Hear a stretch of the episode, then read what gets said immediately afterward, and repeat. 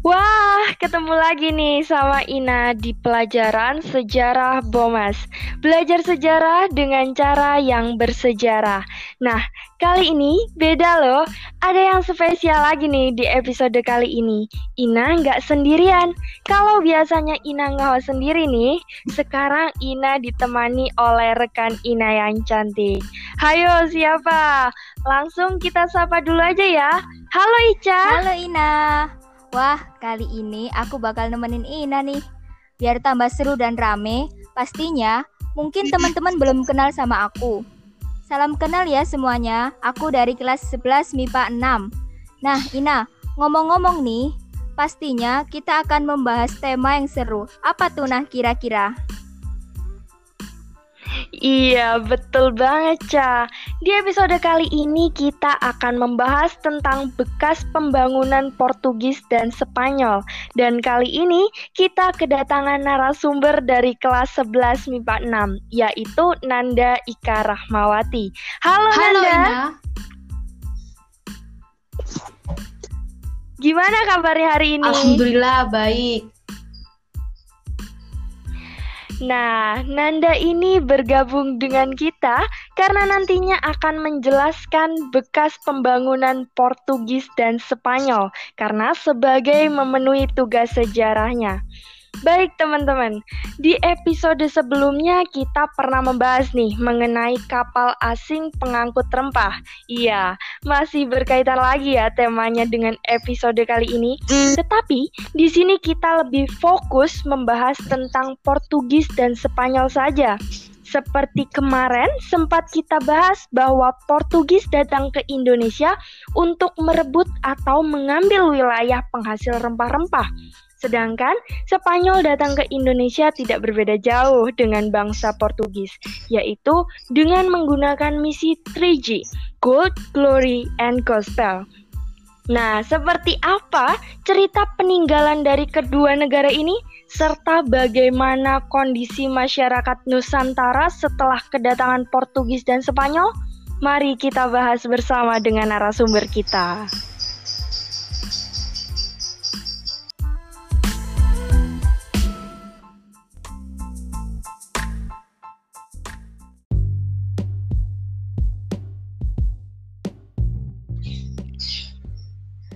Nah, Nanda, bagaimana nih menurutmu saat awal mula Portugis dan Spanyol datang ke Indonesia? Tolong dong diceritakan. Ya, saya akan menjelaskan yang pertama dulu adalah bangsa Portugis.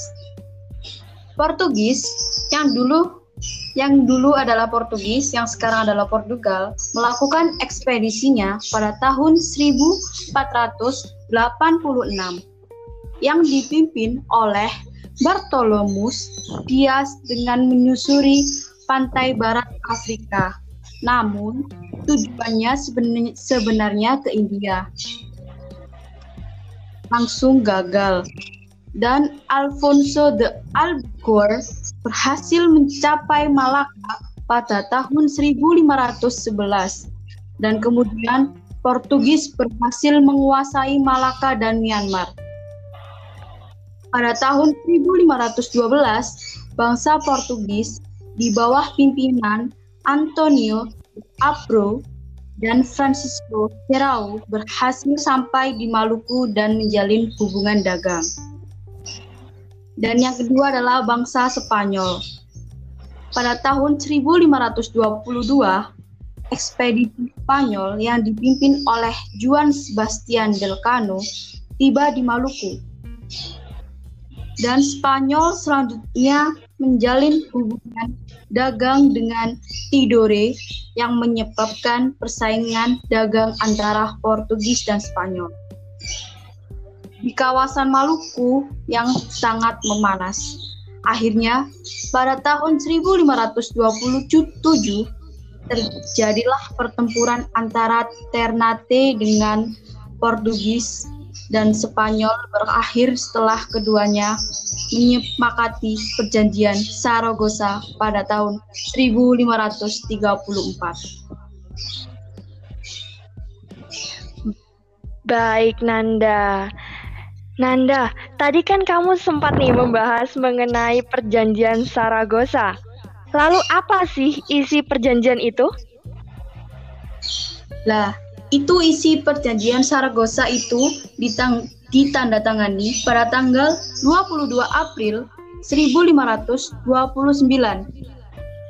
adalah perjanjian antara Spanyol dan Portugis yang menentukan bahwa belahan bumi di bagian timur dibagi menjadi dua antara kedua kerajaan tersebut dengan batas garis bujur yang melalui 297,5 marine linguids atau 17 derajat. Dah, kalau sebelah timur Kepulauan Maluku, perjanjian ini adalah kelanjutan dari perjanjian Tordesillas yang membagi belahan bumi barat antara Spanyol dan Portugal dan diprakarsai oleh Paus yang melihat persaingan perebutan koloni yang dilakukan oleh Portugis dan Spanyol. Oleh karena itu, dibuatlah perjanjian ini.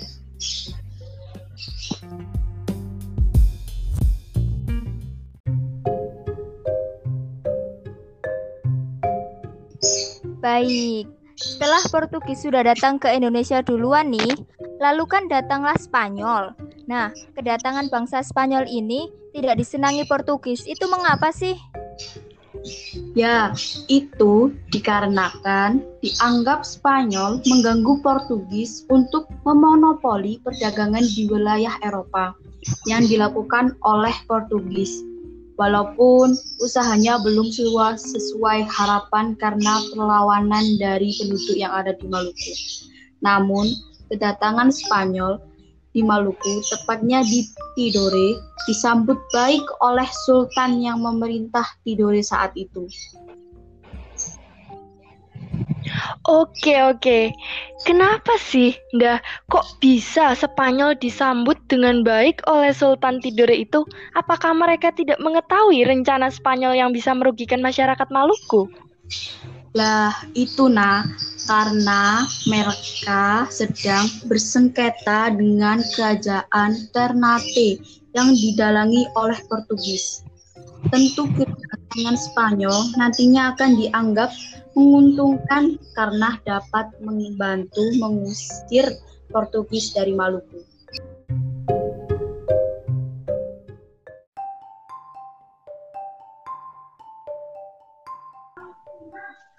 Nah, lalu nih, Nda, jejak peninggalan bangsa Portugis dan Spanyol di Indonesia sampai sekarang apakah masih ada?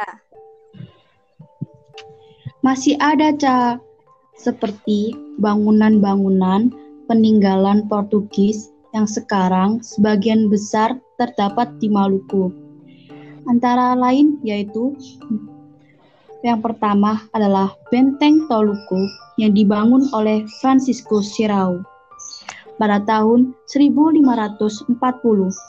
Namun, berdasarkan catatan sejarah Belanda di tahun 1610, benteng Portugis ini diperbaiki oleh Peter Booth yang merupakan pria berkebangsaan Belanda. Tujuan memperbaiki benteng tersebut yaitu untuk menjadikan benteng sebagai tempat perlindungan atau pertahanan terhadap bangsa Spanyol yang kala itu tengah menyerang Ternate. Yang kedua adalah benteng Kalamata atau juga disebut Benteng Santa Lucia yang dibangun oleh Pigafetta pada tahun 1540. Ya letak dari benteng Kalamata dekat dengan laut sehingga bisa melihat langsung Pulau Maltara dan Tidore dari kejauhan. Fungsi didirikannya, benteng ini menghadapi serangan dari bangsa Spanyol Rum dan Tidore. Yang terakhir adalah Benteng Orange. Benteng Orange ini dulunya adalah sebuah peninggalan dari bangsa Portugis yang dihuni oleh orang-orang Melayu. Namun, oleh Belanda, benteng ini tersebut dipugar kembali dan dijadikan sebagai pusat pemerintahan tertinggi Hindia Belanda yang dipimpin oleh langsung Gubernur Jenderal VOC Peter Booth, Lawrence Real, Herat Paynes, dan J.K. Kom. Ini adalah penjelasan singkat dari saya. Jadi, jadi bagaimana, Ca? Baik, jelas, jelas, jelas, Nanda. Nah, teman-teman, kita juga dari tadi sudah terhubung nih dengan guru sejarah kita yaitu Bapak Ali Murtado.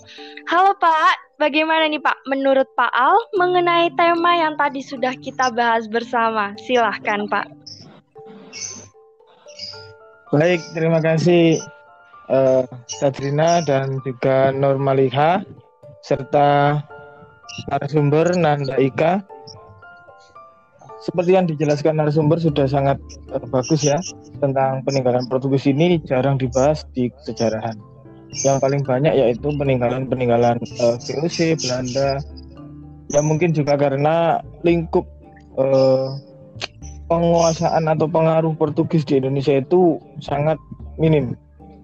Ya, jadi seluas VOC. Namun sebenarnya ada banyak sekali peninggalan-peninggalan VOC selain oh, peninggalan-peninggalan Portugis selain benteng juga ada di wilayah-wilayah selain wilayah timur. Seperti halnya yaitu hmm, musik apa itu namanya? keroncong ya, keroncong. Nah, itu itu Portugis. Kemudian eh, bangunan-bangunan eh, selain benteng itu ada yang berciri khas Portugis. Biasanya katanya itu eh, agak agak kotak benteng uh, bangunannya. Dibanding dengan peninggalan VOC atau Belanda itu bangunannya uh, dalam arti bergaya Indis. Dan juga sebenarnya di Gresik juga ada kontak dengan Portugis dan juga ada peninggalan-peninggalan dengan Portugis.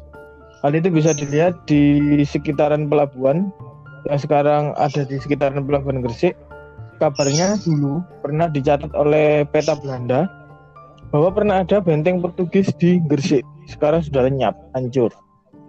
Namun titik lokasinya diduga yaitu di ya. wilayah Pelabuhan Gresik yang sekarang ada uh, jangkarnya Nyai Ageng Pinate. Nah, itu dulu dikabarkan merupakan titik dari adanya benteng Portugis yang kemungkinan besar dibongkar oleh Belanda kemudian dibangun uh, lagi oleh Belanda. Sebagai benteng Belanda. Kemudian sekarang sudah hancur. Nah itu itu ada peninggalan Portugis di Gresik. Karena memang hubungan Portugis dengan Gresik waktu itu juga dalam di, dapat dikatakan bukan uh, hubungan penjajah dengan uh, yang dijajah tapi hubungan dagang yang baik. Meskipun eh, sama-sama mempunyai misi dan maksud yang berbeda-beda. Itu saja tambahan dari saya. Saya kembalikan ke kedua host. Baik, jelas-jelas Pak. Terima kasih Pak. Baik, jadi teman-teman, setelah kita mendengar dan menyimak penjelasan dari narasumber kita dan juga sedikit penjelasan dari Pak Al, Portugis dan Spanyol ini memiliki tujuan khusus datang ke Indonesia, yaitu melalui misi 3G-nya, Good, Glory, dan Gospel. Tetapi, saat Spanyol datang ke Indonesia, Portugis tidak menyukai kedatangannya, dikarenakan Portugis menganggap Spanyol akan mengganggu Portugis untuk memonopoli dagangnya. Serta ada beberapa peninggalan dari bangsa Portugis dan Spanyol di Indonesia seperti Benteng Toluco, Benteng Orange, dan Benteng Kalamata. Juga ada juga nih peninggalan Portugis selain di wilayah bagian timur seperti musik keroncong. Ada juga peninggalan Portugis loh di Gersik teman-teman. Seperti tadi yang sudah dijelaskan oleh Pak Al dan kedua narasumber kita. Oke, sampai di sini saja materi kita hari ini. Terima kasih pada Pak Al yang sudah memberikan sedikit penjelasan mengenai materi kita hari ini, Pak. Sama-sama. Terima kasih juga kepada Nanda yang sudah menjadi narasumber kita hari ini. Sama-sama Ina. Serta Ina juga nggak bakal lupa dong berterima kasih sama rekan Ina yaitu Ica yang sudah nemenin Ina untuk hari ini. Sama-sama Ina. Iya, semoga bermanfaat materi kita hari ini untuk teman-teman semua. Sampai jumpa di episode selanjutnya.